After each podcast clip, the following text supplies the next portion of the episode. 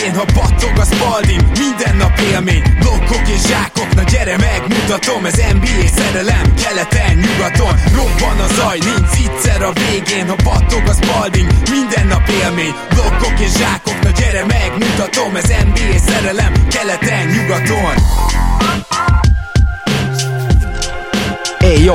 Szép jó napot kívánunk mindenkinek, ez itt a Rap City keleten-nyugaton podcast a mikrofonok mögött Zukály Zoltán és Rédai Gábor. Szia Zoli! Szia Gábor, sziasztok, örülök, hogy itt lehetek. Na kérem, ma kettő csapat jön ismét, a Cleveland Cavaliers és a Sacramento Kings kerül sorra, két nagyon érdekes csapat, teljesen más szempontokból, de mielőtt ehhez eljutnánk, gyorsan meg kell ejtenünk egy sorsolást. Zoli, én arra kérnélek, hogy szokás szerint készítsd elő a Random Number Generator-t, én pedig mondom neked a varázsszámokat, ugyanis jelen pillanatban 300 támogatónk van kereken, ebből a 300-ból kell, hogy sorsolj. Minimum az egy, a legalacsonyabb szám, és 300 kereken a legmagasabb? Uh-huh. 4, 3, 2, 1, nem tudom miért négytől számolok vissza, mindegy, nincs csalás, nincs ámítás. Boom! 151-es versenyző nyert. Ő pedig a negyedik oldal legeleje lesz akkor. Nem más, mint Kovács Dávid. Hatalmas gratuláció, Dávid, és nagyon szépen köszönjük, hogy már jó régóta, mégpedig, ha jól látom, 2020 december óta támogatsz minket. Nincs más Kovács Dávidunk? Nem tudjuk ezt megnézni, most ez eléggé gyakori név. Igen, ez korán. jogos, de ő Kovács Dávid Ádám. Na, szuper. Úgyhogy így, így, így, talán, így, így talán meg lesz. Jó. Gratulálunk, Dávid. Gratulálunk, Dávid, így van, és minden kedves patronunknak nagyon szépen köszönjük a támogatását, és természetesen jövő hónapban is sorsolunk, ahogy azt már megszokhattátok, akkor majd épp egy mez jön. Dávid pedig egy sapkát nyert a Rep City felajánlásából. Dávid, tedd meg, hogy felveszed velem a kapcsolatot Facebookon, és akkor megbeszéljük, hogy hogy jutsz a nyereményedhez. Most viszont a Cleveland Cavaliers jut a nyereményéhez, vagyis hát nem tudjuk, hogy mennyire, mert még ez a bizonyos nyeremény a nyáron, az lehet, hogy az lesz, hogy a végén nagyon olcsón megtartják Colin Sexton, de erről is beszélünk, és ezúttal nem Pándi Gergővel, akinek most tényleg annyi dolga volt az elmúlt egy évben, hogy direkt mondta, hogy az újdonsült Cleveland podcast valamelyik tagját keressen meg, és hát nem kellett sokáig gondolkodni, hiszen az egyikőjük elég rendszeres vendégünk, és majd az EB előtt alatt is hallhatjátok, mint ahogy az általában szokott lenni, hiszen az Extra Pass podcast szakértője az, aki indított egy Cleveland podcastet, úgyhogy légy szíves, erről mesélj nekünk először. Adorján István, Isti, szia! Sziasztok, köszönöm a meghívást, meg egyúttal köszöntöm a kedves hallgatókat is. Szia Isten, is üdvözlök. Hosszan lehetne erről mesélni, hogy hogy is alakult meg az egész podcast, de leginkább egy, egy Cleveland Utah mérkőzésnek köszönhető, ahol páran kitaláltuk, hogy az amúgy alig több mint 200 tagot számláló Cleveland Cavaliers Hungary Facebook csoportban csinálunk egy élő meccskövetést. Ehhez méltó társam volt a, az Eurosport kommentátora Farkasvölgyi Gábor, meg Babos Péter is, és aztán így viszonylag gyorsan követték egymást a dolgok, egy pár nap beszélgetés után felfűztük a sztorit, meg Peti kitalált egy nagyon hangzatos elnevezést a podcastnek, hogy két év múlva Bandwagon, ami valójában most már csak egy, és remélem, hogy ti is egyetértetek abban velem, hogy egy kegyetlenül izgalmas projekt, amit most Clevelandben látunk. Én nagyon-nagyon bízom benne, hogy ez nem az a klasszikus bandwagon story lesz, amire majd felkapaszkodnak azok, akik eddig azt se tudták, hogy mekkora piac, meg milyen is Cleveland város, meg annak a sportja, hanem hogy egy, hát nem is azt mondom, hogy korszakalkotó példa lesz, de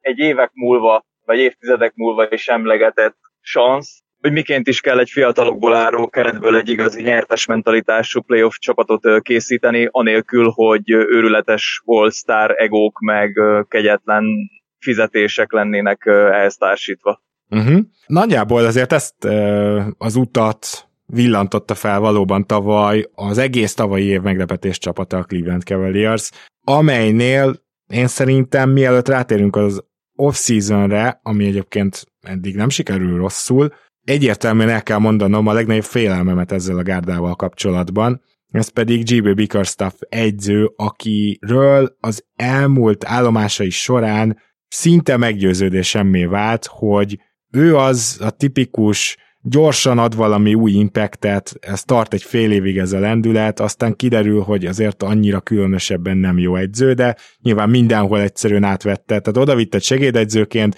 garantáltan egy idő után átvette a vezetőegyzőnek a, a stafétáját, sokszor csak ideiglenes egyzőként volt, hogy végleges szerződést kapott, tehát ő ilyen elég rossz ómen, hogyha, hogyha ő lesz a segédegyződ, de viccet félretéve abban nem vagyok biztos, hogy az egyébként fantasztikus munkát végző az előző évben legalábbis J.B. Bickerstaff fogja bírni ezt a tempót, viszont abban meg egyre biztosabb vagyok, hogy a, a keret igen, és az ígéretes fiatal mag igen, úgyhogy ez még így hosszú távon egy picit már most félelmem ennél a klubnál, de egyelőre persze Bickerstaffnak a pozíciója megingathatatlan, és ugye úgy ment a Cleveland bele ebbe az idei nyárba, hogy gyakorlatilag van egy kész keret, amihez két nagy feladat társul, bár persze Robin Lopezről is beszélhetünk, hogy jött ilyen második, harmadik számú centernek, meg ugye visszaigazolták Rubiot, arról is beszélünk majd, Néto igazolása nagyon tetszik,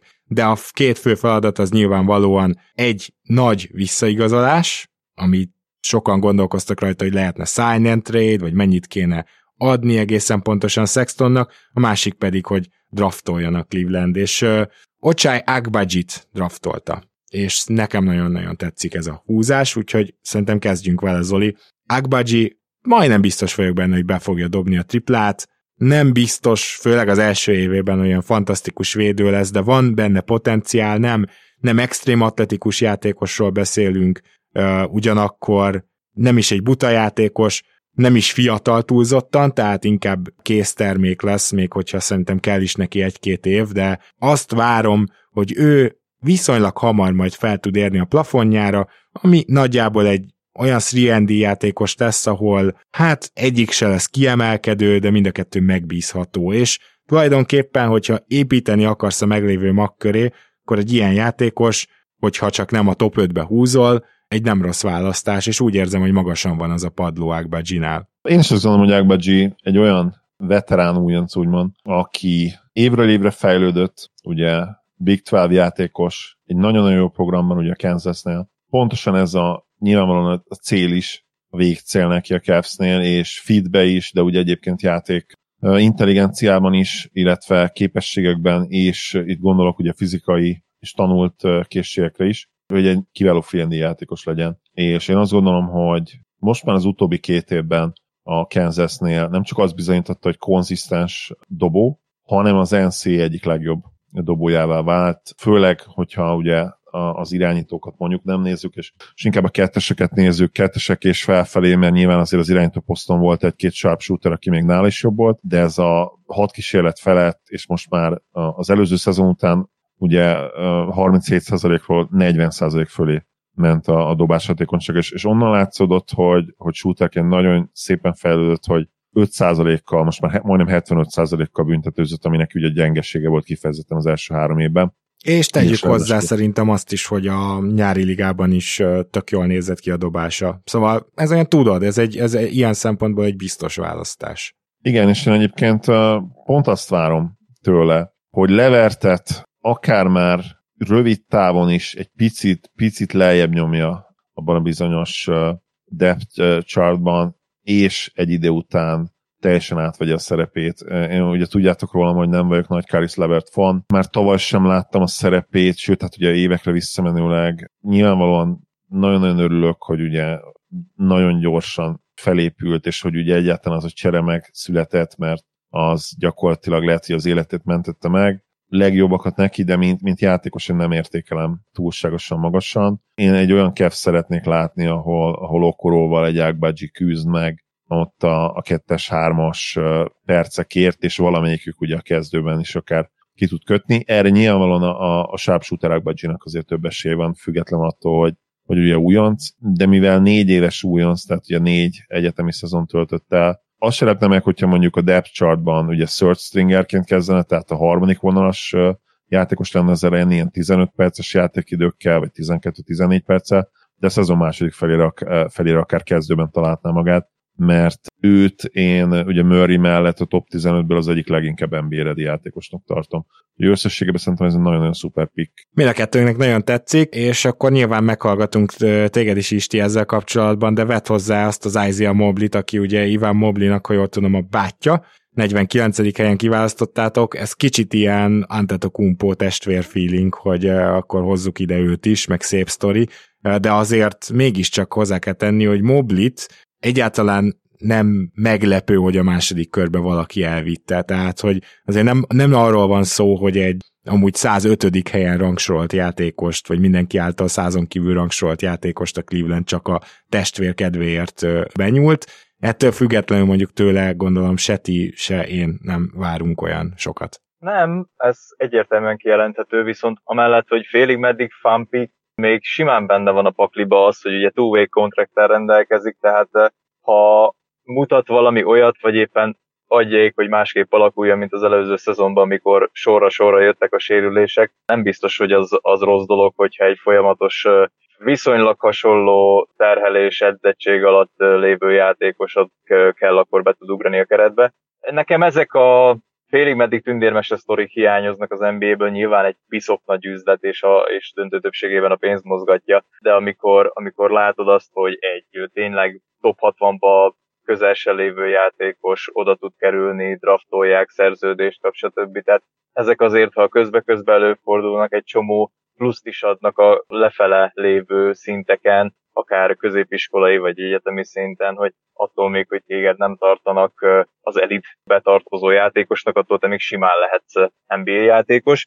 Annyi mindenről beszéltetek, srácok, hogy most úgy tényleg az ember szívesen belefolyna mélyen, de hogy egy kicsit bevegyem a coachot is, hogy ő neki milyen hatása van, meg tudjak a, a draft pickre is reagálni, úgy igyekszem rövid lenni. Bickerstaff nekem tavaly megmutatta azt pontosabban az előző szezonban, hogy egy széthullni készülő öltözőt mennyire össze tud rántani. Ugye, hogyha visszagondoltok hozzánk, érkezett cserével Markanen, Ricky Rubio, maradjunk annyiba, hogy az az megelőző csonka szezonban nem igazán jött ki jól egymással Sexton meg Garland. Az ehhez képest kerekedett valami olyan tavaly, ami hogyha nem idézi a Kórháza Város szélén című sorozatot Clevelandben, akkor erősen a top 5-be odafért volna keleten a, a csapat, és ezt nem a hurrá optimizmuson, meg az elvakultságon mondatja velem.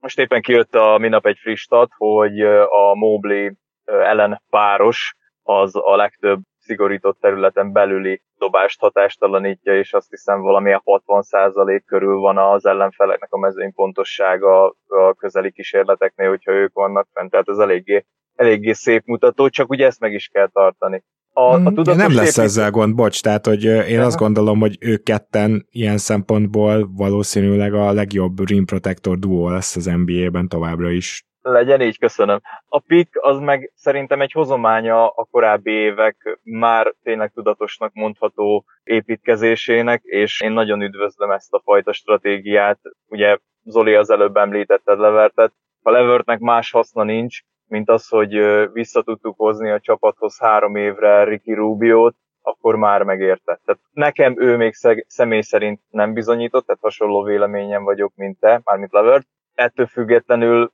én inkább azt látom bele a Kevsnek a jövőjébe, hogy őt ki fogják szorítani a 20 plusz perces rotációból a fiatalok, de inkább ami, ami fele kellene menni az ez. Tehát, hogy a bevezetőmben is mondtam, hogy igenis Garlandokra, Okorókra, Agbajikra van szükség, meg hát természetesen Even Moblikra, ahhoz, hogy egy franchise az Phoenix madárként újjá tudjon éledni, és ne ne úgy azonosítsák Cleveland cavaliers mint csapat, hogy ja, igen, akikkel egyszer bajnok lett LeBron James. Most egy olyan dinasztia épülhet szerintem Clevelandben, ami lehet, hogy nem fog bajnoki döntőig sem jutni, de az biztos, hogy olyan értékeket alapít, meg olyan szemléletet állíthat át, vagy adhat példát egy-két GM-nek, amit érdemes megfontolni a mai nagyon profit koncentrált világban. Igen, ezt úgy hívjuk, hogy kultúrateremtés, és minden Köszönöm. olyan csapat, akinek ez sikerült, az szerintem kispiacként is különleges szereplő tudott lenni az NBA-ben. Nyilván itt Memphisre, akár Portlandre,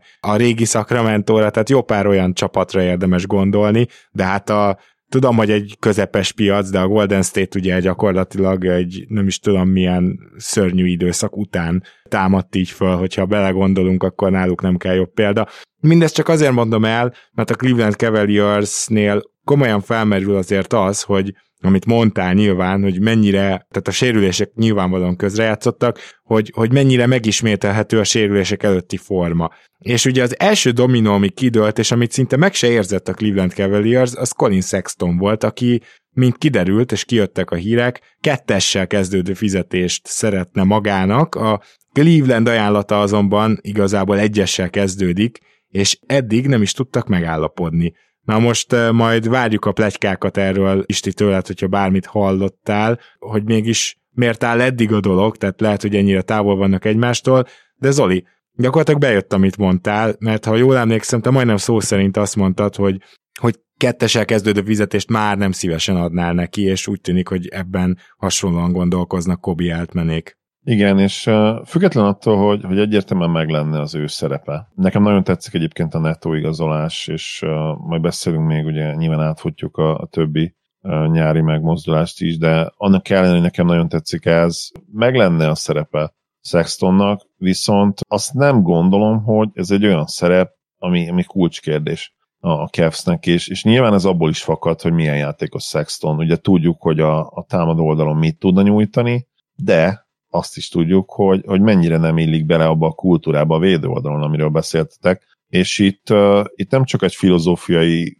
kérdésről beszélünk, hogy, hogy a Cavs az most már egy, egy defense first csapat, hanem egyszerűen stílusban, paraméterek szempontjából. Neto is nyilván valamennyire undersized, de ő egy bulldog. És, hát meg Raúl Neto egyébként szerintem a konzisztencia egyik mint a képe a, az Abszolút, igen, amit, amit ő tud hozni, abban nagyon jó pont ezért tényleg nem érzi azt a Cavs vezetősége, hogy nyomás lenne rajtuk, és én ezzel teljes mértékben egyetértek.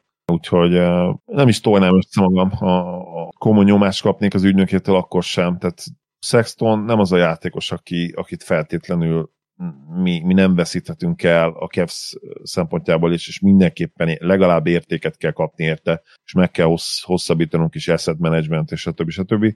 Szerintem ő nem feltétlenül ez a játékos. Akkor mielőtt átdobom ezt a labdát uh, Istinek, azért két dolgot elmondanék. Én ezt egy picit másképp gondolom. Először is szerintem egyértelmű, hogy a, ez a kultúra, amit elkezdett GB Bickerstaff kialakítani, az láthatóan hatott Sextonra is, aki védekezésben az alatt a másfél hónap alatt hogy a sérüléséig élete legjobbját nyújtotta, ami meg mindig nem volt túl jó, de látszott nagyon is az előrelépés. Tehát azt akarom mondani ezzel, hogy egyébként én a kettessel kezdődő fizetést, ha utána csak simán nullák vannak, azt én megmerném adni Sextonnak. Tehát én mondjuk egy 4 év 80 milliót ő valószínűleg érhet. Nem tartom kizártnak, hogy ő még tovább fejlődjön egy picit, Viszont persze a sérülés részét meg sokkal jobban tudja a Cavs, hogy ott azzal mi a pálya. Említetted Zoli ugye a netto igazolást, Abszolút, és Rubio visszaigazolása is valószínűleg mind a kettőnknek ugyanennyire tetszik. Robin Lopez is a padra, ezek az apró igazolások, kevés pénzért, mind jók Nekem és nagyon tetszik a Job Stash is, aki sajnos tragikus módon, ugye nem rokon a, a Mavs legendának, Dasagana Jobnak. Na igen. De nagyon hasonló stílus egyébként, és ő simán lehet az ilyen következő ellen nyilván játékstílusra gondolok, nem feltétlenül fog ő nagy karriert befutni az NBA-ben, de hogyha nem vittük volna Hardit, egyébként én pont jobba gondolkodtam, mert nyilván a, a név miatt is, meg hogy nekünk volt egy játékosunk már, aki hát kicsit ilyen szeretlek, utállak kapcsolatban volt ugye az összes Mavs szurkolóval akkoriban, de, de amit tudott, azt szerintem nagyon jól tudta csinálni. Ugye lepattanózás, rim protection, gyűrű levédés, és ugyane, ugyanebben jó a névrokona is, ugye Khalifa Job, aki meglepően szépen fejlődik egyébként Európában az elmúlt években, és a Valenciánál szerintem nagyon-nagyon jó helye lesz most már, és abszolút azt várom, hogy, hogy a kezdő státuszt is előbb-utóbb kiharcolja majd, ha nem most egyből, de egy-két éven belül, és, és szerintem átviszi majd előbb-utóbb őt a Cavs. Nem alacsony játékosról beszélünk, egyébként volt szerencsém még annó közvetíteni olyan meccset, ahol ő pályára került. Na de akkor Isti, mit gondolsz az elhangzottakról, és te hogy állsz a Sexton kérdésben? Hallottál-e bármilyen plegykát, hogy, hogy, hogy ennyit áll a történet? Igazából most minden nagy képviség nélkül létező legjobbat kérdezitek, mert körülbelül a Magyarországi Sexton fanklubnak én vagyok az elnöke és egyetlen tagja körülbelül.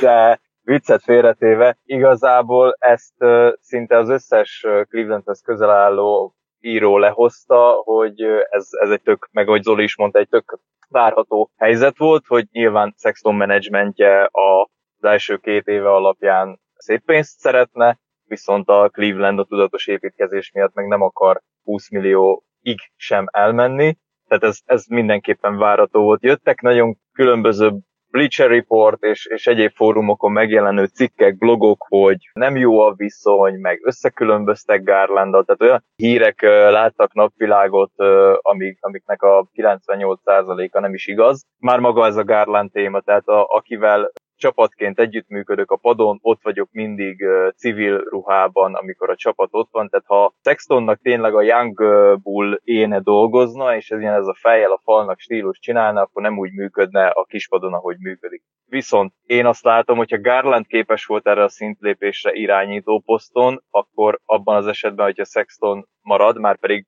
ugye, hogyha leívja a QO-ját, akkor egy évet még tudja, hogy fog maradni, nem is sikerül megállapodni, és ez működhet. Ugye itt jön a kérdés, hogy egy ilyen sérülés után mennyire tud aktív lenni, a Most de amúgy, amúgy miért ne tudna? Tehát én tényleg úgy vagyok vele, hogy ez azért nem olyan karriert kettétörő sérülés, egy fiatal játékos, én nem félek ettől annyira. Nekem az a félelmem az egészből, ez, a, ez az alulméretezettség. Tehát hmm. Garland abszolút bebizonyította, hogy all kaliber. Tehát mondták sokan, hogy kifutott szezon, magyar fórumokon is nagyon sokat lehetett erről olvasni, hogy egy, hú, hogy is fogalmaztak, várja, hogy egy, egy roncsderbiző csapatba tudott kiemelkedő számokat hozni, hát mondjuk ezzel vitatkoznék, de Sextonnál meg nekem az a bajom, mindemellett, hogy szeretem, imádom a játékát, hogy mennyire tud abba a rendszerbe beilleszkedni, ami kiépült meg az elképzelésbe. Tehát most uh, például... Lehet például a... az, hogy ő meg Lövört egy kicsi redundáns lesz egy, egymás mellett. Hát, igen, tehát most például Agbeji azért lesz tök jó, mert a Cavsnek egy idő után az volt a legnagyobb problémája, hogy tök jó megvoltak a dobóhelyzetek, de ott volt egy Chedi Osman távolról, akinek, hogyha olyan napja volt, akkor dobott 7 per 8-at távolról, ha meg olyan, akkor 0 per 8-at.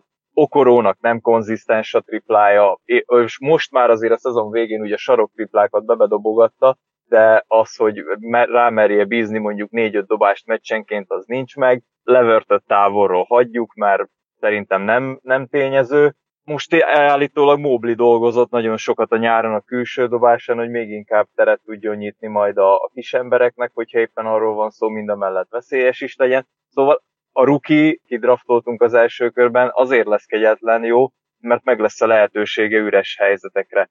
De visszatérve Sextonhoz, ő, hogyha most megpróbálta, hogy mit ad a front office, nem adták meg neki azt a pénzt, nagy kaland, szerintem ebből nem lesz harag se a menedzsment, sem Sextonnak a képviselete, meg a játékos között. Isten igazából kipróbált azt, hogy hajlandóak-e megadni ennyi pénzt, ha nem, akkor aláír 18 milláért, aztán csókolom, megnézzük, mi lesz egy év múlva. Mhm. De én abszolút nem látom azt, még egy fél gondolattal se, hogy Altmanék lennének olyan hülyék, hogy akár mondjuk Sextont, vagy Okorót, vagy ne adj Isten Garlandot értékre váltani, tehát nem azért draftolták le őket, és tettek beléjük évek melóját, meg edzését, hogy utána meg elkótyavetjék őket. Na biztos, hogy ti is láttatok millió elképzelt cserét, amiben mind benne volt Sexton, Okoro, Chedi Osman. Annyi és annyi érdekes színfolt van ebbe a Clevelandbe, hogy én, én azért próbálom minden ilyen felszínes NBA fanatikusnak mondani azt, hogy választ ki egy ilyen jobban megfigyelt csapatnak, mert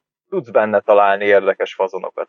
Én ezt nagyon adom, amit most mondtál. A következő szezon megjósolva, és ezt az off-season leosztályozva, az első dolog, amiről mindenképpen kell beszélnünk az az, hogy Mobli mekkorát léphet előre. Nem tartom kizártnak, hogyha sikerült támadásban csak egy ilyen, nem egy hatalmasat ugrani, egy közepeset ugrania, védekezésben gyakorlatilag benne volt a 10-15 legjobb védőben rögtön az első évében, és, és védekezésben híresen minden játékos jobb lesz a, a második szezonjára, tehát ott, ott lehet, hogy ilyen évvédője, díj, esély környékén fogjuk emlegetni, akkor nincs kizárva, hogy a Cleveland mondjuk versenybe lesz esetleg itt a top 6-ért, top 8-ért, akkor ő all lesz. Ezt akarom mondani, hogy az, hogy Ivan Mobley all lesz a második évében, azt egyáltalán nem látom lehetetlennek, sőt, és könnyen lehet, hogy ilyenkor láttuk ezt több játékosnál is, hogy akit már sztárnak várnak, ha van egy ilyen helyzet, és mondjuk Jared még egy picit jobb, vagy Garland jobb,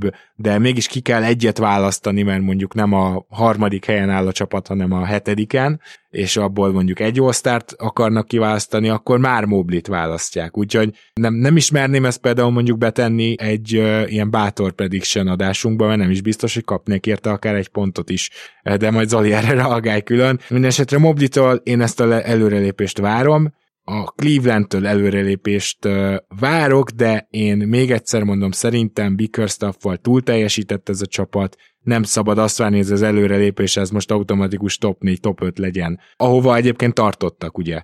Hanem én azt gondolom, hogy play mezőnyben fog harcolni a Cleveland, és esetleg a hatodik helyért harcolgat majd, nagyjából ide várom őket, körülbelül 50% fölötti mérleggel, 43-44, ne felejtsük el, hogy mennyire erős lesz kelet, ne felejtsük el, hogy keleten direkt betankolni kb. csak az Indiána fog, és még az Orlandó lesz olyan verhetőbb csapat, de ők se úgy, mint tavaly, és mindenki más azért kb. nyerni megy fel majd a pályára. Szóval mindezt egybevéve olyan 42-43-44 győzelem környékére várom ezt a csapatot, ezt az off-season pedig ha sikerül jó áron megtartani, tehát itt mondjuk akkor maximum évi 16-17 millióig Sextont, akkor ötösre értékelem, ha egy kicsit fölötte, vagy végül a q fogadja el, akkor négyesre. Úgyhogy egyelőre négy ötöd. Zoli? Azt gondolom, hogy, hogy nehéz megtippelni a Cavs-t. Független attól, hogy nagyon egyszerű lefektetni a tervet, és, és megtalálni azokat a sarokpontokat is, ami meghatározza majd ugye az ő fejlődésüket. Ha Mobley nagyon nagy szintet tud lépni, és mondjuk követi Tim Duncan karrierjét, aki ugye már a második évében gyakorlatilag, bár ő már igazából az első évben legyünk őszinték, de a második évében mindenképpen top 10-es játékos volt, akkor én a 47-48 győzelmet sem tartom lehetetlennek. Ugye ők azon csapatok között voltak, akik a, az egyik legnagyobb ugrást produkáltak, de nyilván nem volt nehéz ugye az, az előtti teljes tankévből Nyilvánvalóan az a Cavs sem volt azért egy 22 győzelmes csapat úgy igazából, és aztán ugye 44-et nyertek tavaly, de ez már úgy, hogy egy ilyen teljes leszálló ág lett a vége, az utolsó 10 meccset konkrétan ugye 3 per 7, illetve 3 győzelem 7 vereség. Garland is tud még fejlődni, az teljesen egyértelmű, de ő is annyira jó volt tavaly, és, és az ő upside nem látom olyan magasnak, mint a Mobley-ét. Szóval itt kell ezt belülni, hogy igazából, és azt a kérdést feltenni, hogy szerinted mennyit fog fejlődni ez a két srác. Én azt mondom, hogy Mobley kifejezetten nagyot fog ugrani, ezért még egy nehezebb keleten is én azt mondom, hogy nekik egyszerűen kötelező nyerniük legalább 44-et, mint tavaly. Nyilván, ha egészségesek vannak, ezt ugye mindig hozzá kell tenni. Én azt várom, hogy, hogy, hogy All-Star szint közelébe kerüljön Mobley, és, és főleg támadásban lépjen nagyot előre. Így, hogyha ez megtörténik, akkor a 40, 46 győzelmet így beírom, ami ugye azt jelenti, hogy, hogy nálam elég magas azért ennek a csapatnak már a padlója is. Igen, és, és az már reálisan akár a hatodik helyet is jelentheti. Hát ugye most a Bulls 46 győzelem mellett hatodik, nagyon sok 50, körüli, 50 győzelem körüli csapat lesz keleten, ugye ez ebből a szempontból olyan mélysége kezd lenni ennek a konferenciának is, ami, ami ugye nem volt meg előtte. Nem lesz egyszerű, tehát simán elképzelhető, hogy több meccset nyer a Cavs, mint tavaly mondjuk 45-46-ot, de nagyjából ugyanoda kerül. Erre is abszolút van esély. És akkor az off-season osztályzatod? Négyes mindenképpen. Ötöst azért nem tudok adni, de nekem nagyon tetszett igazából még a López igazolás is, Neto kifejezetten, Agbaji Pik nagyon-nagyon, az, hogy Rikit visszahozták, az, az nem csak sportszakmailag, de ugye egyéb szempontokból is tetszett, hogy nem hagyták cserbe, független attól ugye, hogy, hogy idén, és itt most a naptár évre gondolok, 2022-ben már nem fog játszani, de 23-ra visszatér remélhetőleg. Mindennek végsorolása után ez hogy nem ötös? Nincs az az egy azonosítható move, amire azt mondanám, hogy, hogy ötös, de, de ebben igazad van, igen, hogy mondjuk négy ötöd akkor mindenképp, mert oké, okay, nincs az a csettintős, hogy úristen, ez nagyon jó, de, de nagyon sok jó dolgot csináltak, úgyhogy akkor négy ötöd az reálisabb, igen. Na, akkor kérünk egy gyorsatot és egy osztályzatot, illetve ha benned marad még bármilyen sztori is, ti, akkor azt is. Hát én a saját elvárásaimhoz mértem az off-season úgyhogy én ezért ötöst adok rá, mert így mindenképpen jól járok, mert a kedvenc játékosom marad a csapat. Hát per pillanat úgy néz ki, szóval nekem ez külön öröm. A, aztán, hogy éppen most milyen áron sikerül, szerintem ez per pillanat részletkérdés, ez az én szempontomat mondom. na de mondjuk a jóslat az sokkal nehezebb. Tehát a félelmeidet, Gabi, neked abszolút értem a kóccsal kapcsolatban, viszont érzem annyira tökösnek a gárdát, hogy, hogy össze fognak ők állni, hogyha esetleg megakad a, a szekér. Kegyetlen hírig lesz keleten, tehát ez, ez biztos, hogy ha éppen rengeteg lesz a körbeverés, tuti biztos, hogy szónak a jó értelmében vér fog folyni, de én azt látom, hogy egy ilyen 45 kötőjel 48 győzelmet tudhat a csapat, viszont itt óriási szerepe lesz a kiegészítő személyzetnek is. Tehát az nem fog beleférni, hogy, hogy Mobley, Garland, Jarrett ellen viszik a hátukon a csapatot, tehát nagyon-nagyon szükség lesz a padra. Lavra, Markanenre, Chedi Osmerre, Nétóra, tehát nekem külön azért tetszik rendkívüli módon a Nétó pick, mert lesz olyan játékosunk, aki plusz energiát visz a, a csapatnak a, a lendületé, vagy a csapatnak a lendületéhez padról beszállva, tehát nekünk mindig ez hiányzott, hogy, hogy mikor ugye a kezdők lementek, döcögött a szekér, ha éppen robbanós napja volt a, a Macedón Ozmennek, akkor, akkor valami kijött belőle, ha meg nem, ak, vagy meg lábnak se ültek a dobásai, akkor meg akkor volt az a kegyetlen, most bocsánat a kifejezésért, de szar szériánk, amikor 20 meccsből talán nyertünk négyet két hónap alatt. Hogy lett Macedón Ozmen, ezt még meg kell kérdeznem. Ő Macedón. Komolyan? És mégis a török válogatottba játszik? Ő születését tekintve Macedón. Ó, na hát akkor ez egy teljesen új info volt, de pont ezért van az, hogy te remélhetőleg majd az EB beharangozó adásunkba is a vendégünk leszel. Most minden esetre nagyon szépen köszönjük, hogy velünk tartottál, és át tudtuk beszélni a Cavs-t. Én köszönöm a lehetőséget, bármikor szívesen jövök hozzátok, meg külön öröm, hogy ti is ennyire mélyen belássátok magatokat a Clevelandi csapatnak az életébe. Remélem, hogy egyszer egy közöset is össze tudunk hozni, hogyha majd nektek borsos teendőjüknek mellett belefér. Mindenképpen én már most meg tudom ígérni, és ti én is nagyon köszönöm, hogy itt voltál. Mi pedig akkor megyünk is tovább. Jön a következő csapatunk, ami, ahogy be is harangoztam, nem más, mint a Sacramento Kings. Beszéltünk most már pár olyan csapatról, azt gondolom, itt az elmúlt időkben, amelyiket megdicsértünk, hogy milyen szép, hát restarton van túl, de tényleg csak ha összeszedjük az elmúlt évekből, hogy, hogy mióta mondjuk Zoli is, én is, hogy a Detroit Pistonsnak, az Orlando Magicnek, akár a Hornetsnek, amelyik ugye Ball előtt volt egy ilyen mini restarton, illetve a San Antonio Spursnek lépnie kéne, és ezek a csapatok mindegytől egyig végül ugyanerre a következtetésre jutottak. Az a csapat, amelyik nem jutott erre a következtetésre még mindig, és már-már transzba van azzal kapcsolatban, hogy valahogy playoffba jusson, és még most se vagyok róla meggyőződve, vagy egyáltalán a play-inbe várom-e őket, de ha nagyon előre akarnánk szaladni, akkor inkább azt mondanám, hogy nem, szóval ez a gárda, ez most mégiscsak egy kis reménysugarat csempészet a, szerintem a szurkolók életébe a drafton, mindenről beszélünk, állandó Sacramento Kings szakértőnkkel, Tóth Gáborral. Szia Gábor! Sziasztok, köszönöm a meghívást ismét. Kicsit el is csuplik a hangom, így Toronto Raptors edzője meg Dávid Kornél után, de köszi, köszi szépen. Szia Gábor, én is üdvözöllek. Mintha csak nekem mondta volna az Oli. Há, igazából szerintem muszáj egy picit mégiscsak a big picture-rel kezdeni, mert ugye tavaly az Indiana volt a következő a sorban, amelyik ezt a bontást elvégezte, és a Sacramento Kings pedig ezúttal befogadó fél, és nyilván rengeteget kritizáltuk azt a cserét. Még, még Zoli is, aki kifejezett Szabonis rajongó, és notoriusan magasabbra értékeli Szaboniszt, mint akár én, akár azt gondolom, hogy, hogy nagyon sokan a szakmában. Még ő is azt mondta, hogy akkor sem cseréled el Halliburton-t, hogyha Szabonis jön. Ez szerintem mindent elárul arról, hogy akkor és ott azt egy milyen lépésnek tartottuk. De ezen ugye túl vagyunk, és erre az off-seasonre úgy érkezett meg ez a csapat, hogy oké, okay, rendben van, akkor tehát ez az irány, hogy minden áron playoffba jutni, de van egy negyedik draft pick. És a negyedik draft pick története már ott izgalmas, és majd Gábor lehet, hogy elmondod a részleteket, de amennyit én tudok, az az, hogy ugye Ivy volt igazából erőrébb várva, ilyen szép magyar szenvedőszerkezettel, Ugyanakkor Ivy folyamatosan közölte, hogy nem, ő aztán sacramento nem akar menni, felejtsék el, nem, de hogy nem jelent meg edzésen se, és hogy a Kings végül ezért döntötte Murray mellett, vagy azért, mert nagyon tetszett nekik, arról most már megoszlanak a vélemények. Tehát egyáltalán nem biztos, hogy amúgy nem őt választották volna. Minden esetre a nyári ligában kegyetlenül jól nézett ki, és még ha nem is vonunk le nagy következtetést a nyári ligából, azt azért csak el kell mondanunk, hogyha onnan valaki nagyon durván kiemelkedik újoncként, akkor az azért általában egy jó jel. Néha azért szerintem érdemes a nyári ligából is levonni következtetéseket. Például Bagley az első meccsen lesérült, és utána nem játszott, ezt azért nagyjából hozta Kingses évei alatt is.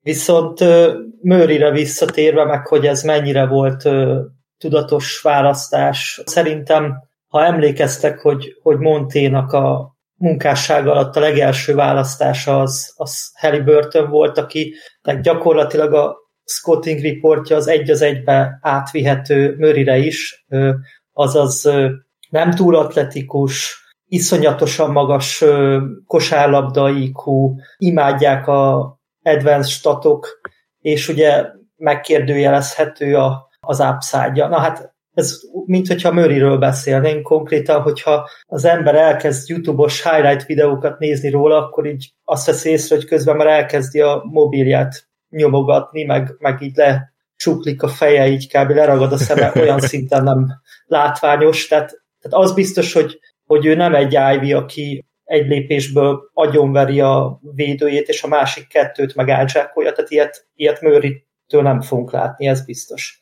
Viszont amit látni fogunk, az az, hogy ezzel a kb. Tim Duncan emlékeztetője rezzenéstelen arccal észre vehetetlenül kb. Be, berámol 20 pontot, veszett 10 lepattanót, és, és mindezt teszi úgy, hogy, hogy nincs nála a labda. Tehát, hogy gyakorlatilag Sabonis és Fox mellé szerintem tökéletes fit. Ezzel én nem tudok vitatkozni, még pedig olyan szinten nem, hogy nem gondolom azt, hogy Ivy és Murray között persze egy a Summer League után pláne nem gondolom azt, de amúgy se gondoltam, hogy akkora különbség lenne, hogy itt ne nézné meg a fitet a Sacramento Kings. Ugye Ivy Story kapásból ott kezdődik szerintem, hogy nem a Kings-t utálta, hanem ő ugye Detroit is rác, és Detroitba szeretett volna menni. Tehát uh, valahogy mind, a mindenki jól járt, úgy gondolom itt a negyedik, ötödik pozícióban, és uh, Murray Summer League teljesítményéből én is azért vonnék le nem is messze menő, de legalább minimális következtetéseket, mert pontosan, amit most mondtál, hogy gyakorlatilag usage nélkül nem kell neki a labda, ő csak eldobja, hogyha, hogyha üresen marad, vagy hogy igazából akkor is el tudja dobni, hogyha kevésbé marad üresen, nyilván ő emberről nem fog, nem tudom, bemenni, lepördülni háromszor és zsákolni, igen. De egyébként nagyon hatékony, nem csak egy triplázóról van szó, hanem azért egy lerohanásnál is hatékony játékos, egy középtávoli szituból is hatékony játékos. Ö, nem, nem az az önző típus, tök jól is illik, nagy tehetségnek is, és biztosabb tehetségnek tűnik egy kicsit, mint mondjuk ö, számomra, mint ö, páran a top 3-ból, akit nem bankérónak hívnak bárkit. Szóval ilyen szempontból oké, okay, lehet, hogy nincs olyan magasan persze a plafonja, sőt elég valószínű. Zoli, neked mik voltak az első benyomásaid Murrayről? Inkább a Summer League hívta fel rá a figyelmedet, vagy azért te már így a draft táján is, hát hogy is mondjam, csak tisztába voltál az erősségeivel? Abszolút tisztában voltam az erősségeivel, én azt gondolom, és a problémám Keegan Murrayvel pontosan az, ami miatt kedvelem is, meg ami miatt uh, szeretem a játékát, az az, hogy abban a szempontból totálisan kiszámítható, hogy egy nagyon magas padlóval indul az NBA-ben, az iowa is igazából ezt, ezt mutatta, tehát gyakorlatilag tudtuk, hogy, hogy a, valószínűleg a leginkább NBA ready ilyen, ilyen plugin játékos, akit szinte akármelyik rendszerbe bedughatsz, és, és fog hozni majd neked egy, nem tudom, 14 pontot, meg 6 hét lepattanót is akár, egy kis playmakinget, védekezésben sem rossz, annak ellenére, hogy, hogy a wingspan az, az nem különleges, hogy plusz 3 incses wingspan van, ugye 6-8 magassága az ilyen 6-11 körüli, de, de egy hihetetlenül sokoldalú szkórer a csávó, és, és amit, amit elmondasz azokról a játékosokról, akik főleg ugye a tehetségükből, a skilljükből élnek, és nem feltétlenül a, a szuper atletikusságukból, azt róla is elmondhatod, hogy,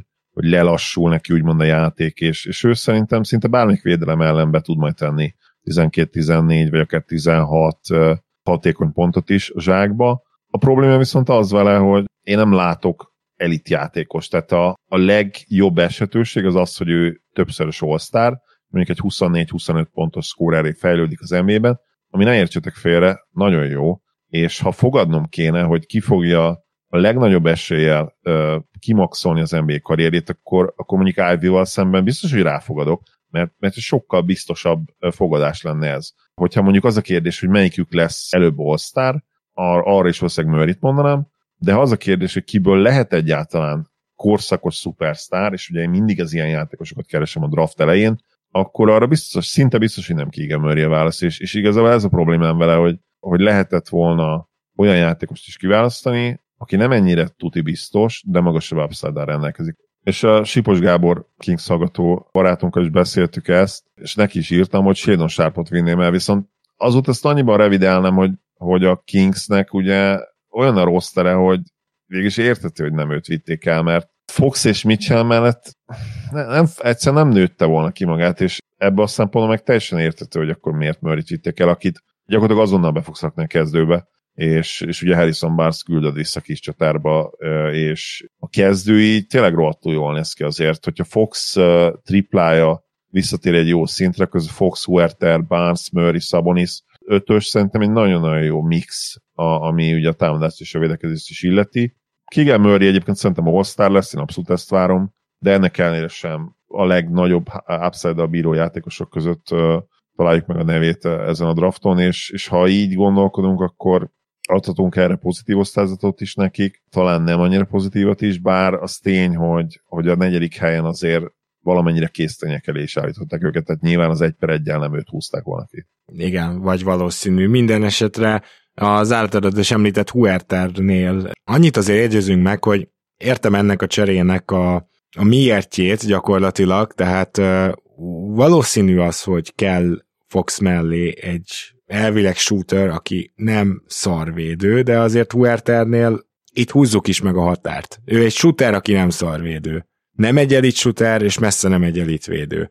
Hogy egy ilyen cserébe egy Sacramento Kings, egy Future First-öt, akárhogy van védve, feladjon, Szóval nekem ezek nem mennek át. Én alapból nyilván ez az irány is nagyon nehezen követhető. Azzal kezdve például, hogy ugye Di Vincenzoért cserél a csapat, aztán utána hagyja nyáron az egészet, Huerterért cserél a csapat, szóval ezek mind olyan dolgok számomra, ami kicsit ilyen egy helyben totyogás, de Gábor, kíváncsi vagyok ezzel kapcsolatban a véleményedre, tehát gyakorlatilag megszereztétek Di Vincenzo-t, majd elengedtétek, megszereztétek Huertert, hasonló típusú játékosokról beszélünk, Di Vincenzo kicsit jobb védő, Huerter kicsit jobb triplázó, nem hiszem, hogy meg fogják váltani a világot de hát úgy látszik, hogy ez illik bele a csapat egyszerűen menetrendjébe, amelyik, még egyszer mondom, teljes transzba van, hogy végre playoffba jusson. Igen, itt ez a lényeg, amit a végén mondtál, hogy, és ez látszik is az odaadott draft setliből, hogy ugye 2024-es, tehát uh, itt ugye azért elég nagy nyomás alatt uh, van a general manager, ez ugye a draftnál is látszódott, hogy nincs idő ilyen sárpokra, hogy megvárni, hogy, hogy akkor most lesz-e belőle valami, vagy nem. És ugyanez látszik ugye a Huerter cserénél is, hogy egyszerűen Szabonis és Fox mellé kell egy jó dobó. Nyilván, hogyha az a jó dobó, elit dobó, meg még jó védő is, akkor már arról beszélünk, hogy, hogy ez egy sztárjátékos a mai ligában, és nem fogod megszerezni egy láteri védett draft setliért többet, meg hát nyilván védelem nélkül meg azért egy olyan csapat, aki nem volt, nem tudom, 16 éve rájátszásban, azt, azt nem fogja beáldozni. Ó, Még én azt hiszem, bocsi, hogy a, a Kings rájátszás nélkülisége az már nagykorú. Lass, lassan íhat USA-ban is. 16 évre emlékszem, nekem ez a Nézzük ez, ami már, megvan. mikor volt a Kings utoljára rájátszásban, mert ez fontos. Hát, még Artest, Bonzi Wells, Mike Bibi, meg ez a, ez a banda volt, és azt mondja 2005-6-os szezonban, amikor egy ilyen baromi nagy menetelést csináltak a 2006? megszerzése után. Igen, igen, én úgy emlékszem, hogy 2006. Na, mert a Spurs ellen. Igen, ellen akkor 17 éves ez a bizonyos uh, playoff nélküli sorozat, tehát akkor azért jövőre már nagykorú lesz lassan. Aha, érdekes, érdekes. A lényeg, hogy Huerter volt, aki, aki elérhető volt a piacon. A Di Vincenzo, hát az ugye félrement már, már a Bogi and trade-nél félrement egyszer, és valahogy nem akart visszajönni a dobása. Most lehet ezt arra fogni, hogy, hogy a sérülés után, sérülése miatt ez majd jövőre kiderül, de nagyon rosszul nézett ki támadásban, és másik pedig, hogy, hogy azért ott volt egy plegyka arról, hogy, hogy nem nagyon tetszett neki, hogy, hogy nem ő kezd. És hogyha ez tényleg igaz, akkor, akkor szerintem én se tartottam volna meg, tehát azért az... Hát igen, ezzel nehéz vitatkozni. Bad look eléggé szerintem.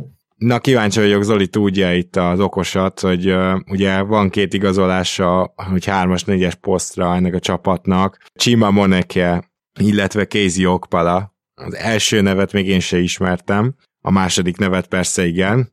Zoli, tudod-e, hogy ebbe a két játékosban mi a közös, és hogy vajon mit keresnek ők, vont ők a Kingsben? Természetesen nem, de ugyanez a helyzet nálam is, hogy Okpalát már ismerem, illetve nyilván róla hallottam. Na jó. Segítek, hogy Metu, Metu is. Metu is közös, így van, Igen. és gondolj egy kicsit a vezető egyzőre. Hmm, nem úrik be. Oké, okay, szóval Mike Brown szövetségi kapitány is, ha emlékszel. Ó, oh, akkor a U19-es csapatban voltak? A nigériai válogatottról beszélünk. Ja, várja. Oké. Okay. Akkor nemzetközi. nemzetközi. Ez pontosan így van. Mike Brown a nigériai válogatott vingjeit így megpróbálja Sacramento-ba csoportosítani. Ez történik jelen pillanatban, ami szerintem nem akkora baromság. Nyilvánvaló, hogy most Moneke elvileg pályára se kerül, de ha már azt mondja mondjuk egy Mike Brown, hogy hogy a válogatottban azt látta, hogy ez egy tehetséges srác. Nézzük meg itt mit tud, úgyhogy számára valamennyire hazai környezetet jelentek én magam, akkor igazából ez egy talán részlegesen garantált szerződés, amiből egy millió garantált. Egyáltalán nem gondolom, hogy, hogy akkora befürdés, ha csak ki nem derül Monekéről, hogy abszolút semmi köze az NBA-hez. Hokpalát pedig azért láttuk jól védekezni Miami-ban, más nem igazán, de ennyit legalább tud és ez a következő, amit szeretnék felhozni, légy szíves reagálj Gábor, hogy említette Zoli, hogy védekezésnek és támadásnak jó mixe lehet az a line-up. Igen, talán, én azért a védekezéssel még mindig nagy bajban vagyok, tehát hogy ez a csapat, ez ha csak nem szerepeltet ilyen úgymond one-way playeröket, mint például amilyen Okpala lenne, én szerintem nem elvárható, hogy jól védekezzen, és biztos vagyok benne, hogy jövőre is azért mondom, hogy ismer az elmúlt években oly sokszor történt ez így, ez lesz a legnagyobb problémátok, ami megakadályozza azt, hogy ez a playoff nélküli sorozat véget érjen. Ha optimista szeretnék lenni, Na akkor, legyél. akkor megpróbálok, már nekem nem könnyű, de, de akkor ö, abba próbálok kapaszkodni, hogy Mike Brown azért összerakott egy olyan védekezést a Warriorsban is, ahol azért nem voltak kiemelkedő védők, tehát kivéve persze Draymond Green, de, de azért amit láttunk, hogy Curry is művelt védekezésben, stb. Ez talán egy bizakodásra adhat esetleg okot. Muszáj lesz egy kicsit fejlődni a védekezésnek, mert tényleg amúgy, amúgy esélytelen. Tehát ezen, ezen javítani kell. Na most csak kezdésnek, tehát ugye a Saboniszt használott centernek, és nem négyes, és nincs benne Holmes, az a nagykönyvek szerint alapból rosszabbat jelent védekezésben valahogy el kellene indulni pont a Warriors-szerű úton, ahol nem klasszikus gyűrűvédő centerrel dolgozol, mert Sabonisnak védekezésben van erőssége, az ugye a lábsebessége. Nem azt mondom, hogy egyes gyors, gyors kicsikre is rá tud váltani, de azért ő valamennyire váltható magas ember védekezésben. Akkor már erre tényleg alkalmas lehet az, aki ezt a aki tökéletesítette úgymond ezt a Warriors védekezést, aki olyan segédegyző volt ott, akinek konkrétan ez volt a feladata. Szóval ez legalább így egy jó kezdés. Murray ugyan van esélye, hogy jó védő legyen, de nem az első évében. Harrison Barnes szerintem alig várja, hogy elcseréljék. Huerter Huerter lenne az, akit majd ráraksz az ellenfél irányítójára, mert hogy Fox eléggé befürdött ugye ebbe a szerepkörbe. Na hát nyilván Davion Mitchell most fel lehet hozni, hogy ő bezzeg milyen jó védő. Egyetértek, csak azt akarom mondani, hogy itt azért könnyű lesz befürödni hátrafelé, és nyilván, hogyha mondjuk még Terence Davis-t is pályán kell tartani, az sem fog ezen segíteni, Malik Monkot sem. És itt érkezünk el a Malik Monk igazoláshoz, amit megint nem tudok olyan jóra értékelni. Egy nem túl rossz éve volt valóban a Los Angeles Lakersnél, de azért pontosan ugyanazt hozta, mint eddig. Tehát, hogy őróla tudjuk, hogy milyen játékos, egy hatodik ember be tud szállni a padról, tud pontokat gyártani, nagyjából semmi másban ne számíts rá. És állítólag azért hozták oda, és ezért ne felejtjük el, hogy itt egy full emelét kapott meg, tehát 9,5 millióval indul ez a szerződés, ami nem vész, nem azért mondom, de hát ugye nagy haverok fox -szal. Na most itt Zoli felét fordulnék, hogy ezt megint hogy lehet ezt jól értékelni, vagy, vagy segíts nekem, hogy legyek optimista. Nehéz ezt bármilyen pozitív felhanggal értékelni. Azon túl nyilván, hogy, hogy force spacing, amire ugye a Kingsnek nagyon nagy szüksége van. Más pozitívumot én nem tudok, és soha nem is tudtam elmondani ugye Melik Monkról. Abszolút alul méretezett dobó hátvéd, akinek hát minimális playmaking képessége van, de, de inkább semmi. Én ezt úgy jellemezném. Ő, ő tényleg egy dologban jó, az pedig ugye a triplázás, a floor spacing. Nem tud faltot kiharcolni, kifejezetten gyenge védő. Amit még esetleg el lehet róla mondani, de nyilván ez a játékstílusból is fakad, hogy nem adja el sokszor a labdát. Eh, off-ball támadásban nem rossz opció egyébként. Fox mellé nyilván, mert ugye Fox mellé tudjuk, hogy kell minél több shooting, és Szabonis ugye nem triplázó, vagy legalábbis eddig nem volt az. Önmagában ez a játékelem Monktól, ez, ez fontos lehet, de hát ugye minek az árán, tehát semmi más nem tud igazából a parkettára rakni, és kifejezetten túlfizetett is, én azt gondolom ezért a pénzért. Oké, okay, ér, érvelsz mellett, hogy most már egy alap rotációs játékos is 12-14 milliót fog keresni két-három éven belül, de, de nyilván a cél az, hogy egy olyan rotációd legyen, ami, ami rájátszásban is jó lehet, és most teljesen elvonatkoztatva attól, hogy, hogy a Sacramento bejuthat a rájátszásba, vagy sem, ez nyilván egy azt akarom, hogy nehéz kérdés, de nem biztos, hogy annyira nehéz kérdés ezen a nyugaton.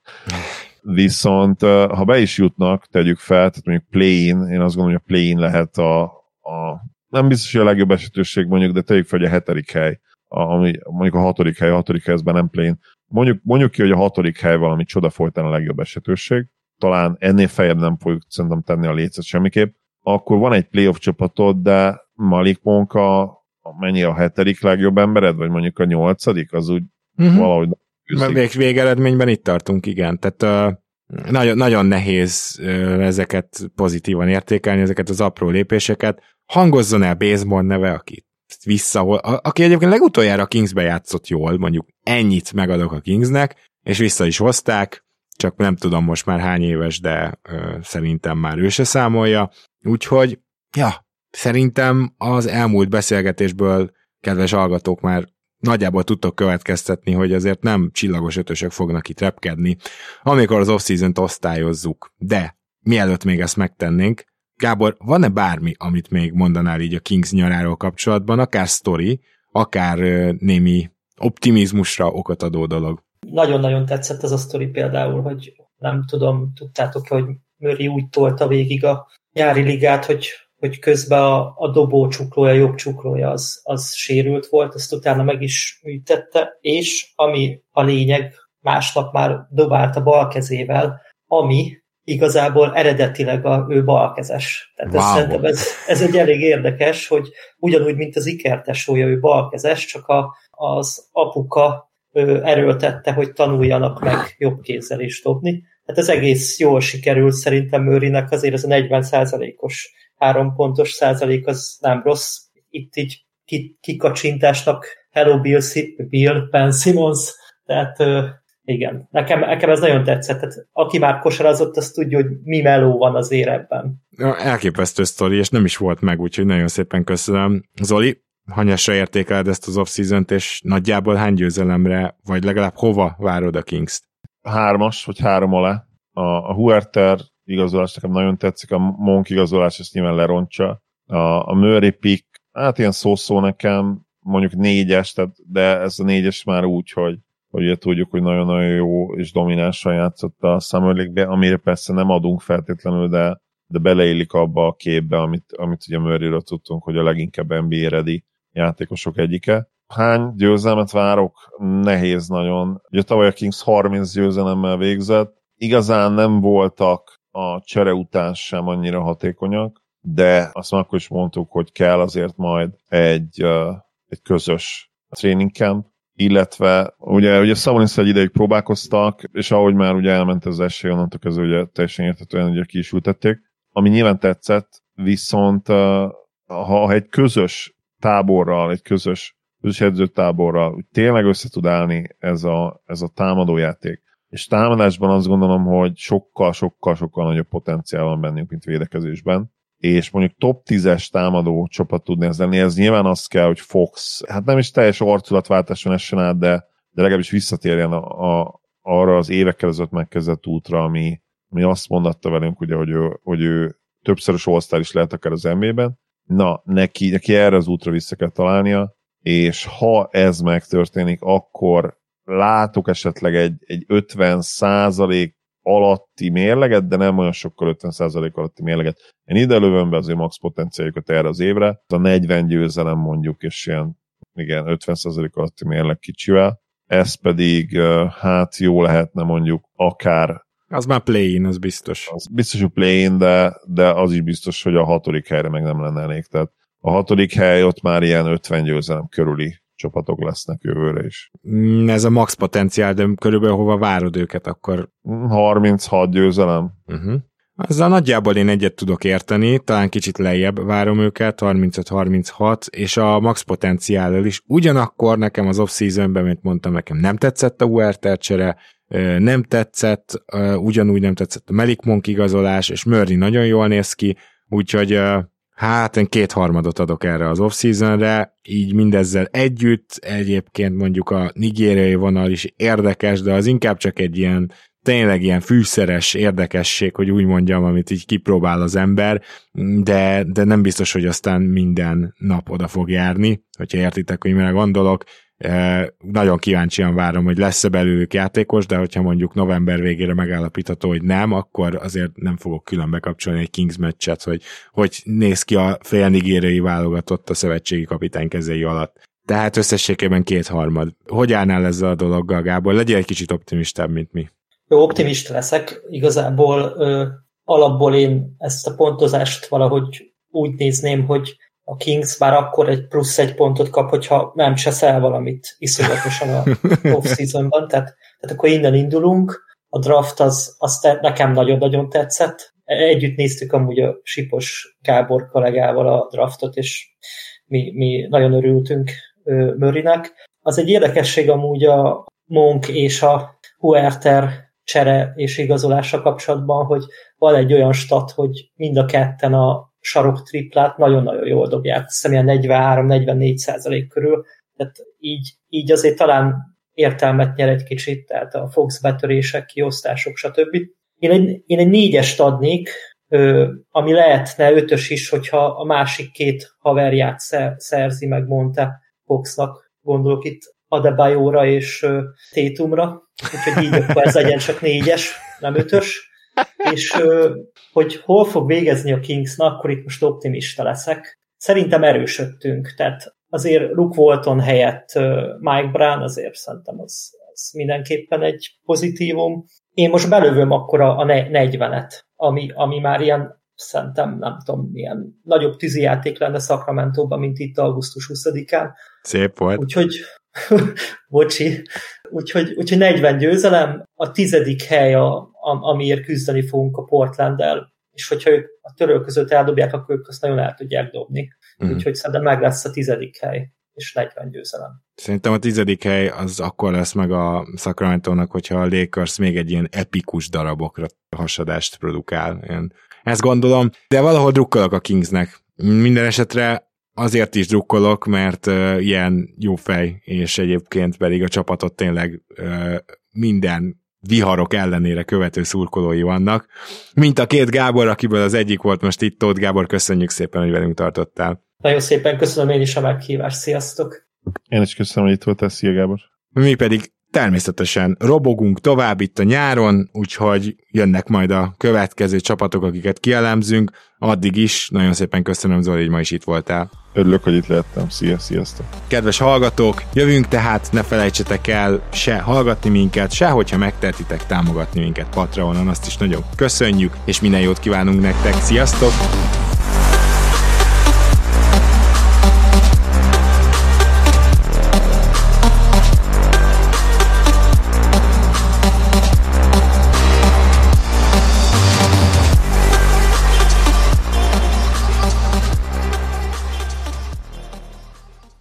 Ha más podcastekre is kíváncsi vagy, hallgassd meg a Béton műsor ajánlóját. El tudod képzelni, hogy a podcastet, amit éppen most hallgattál, fél év múlva már a mesterséges intelligencia generálja? Mi sem. De ha érdekel, eljötte már a gépek lázadása. Hallgass bele az Embertelen podcastbe. Orsós Lajos vagyok, a műsor házigazdája. Egyelőre még élőben. Egyelőre. Fedezzük fel együtt, hogyan ismerkedik, randizik, mesél és vitatkozik Betty és Péter, két teljesen mesterséges intelligencia. Lajos, a podcast címét mond még egyszer, Léci. Oké. Okay. Embertelen podcast. Ez a műsor a Béton közösség tagja.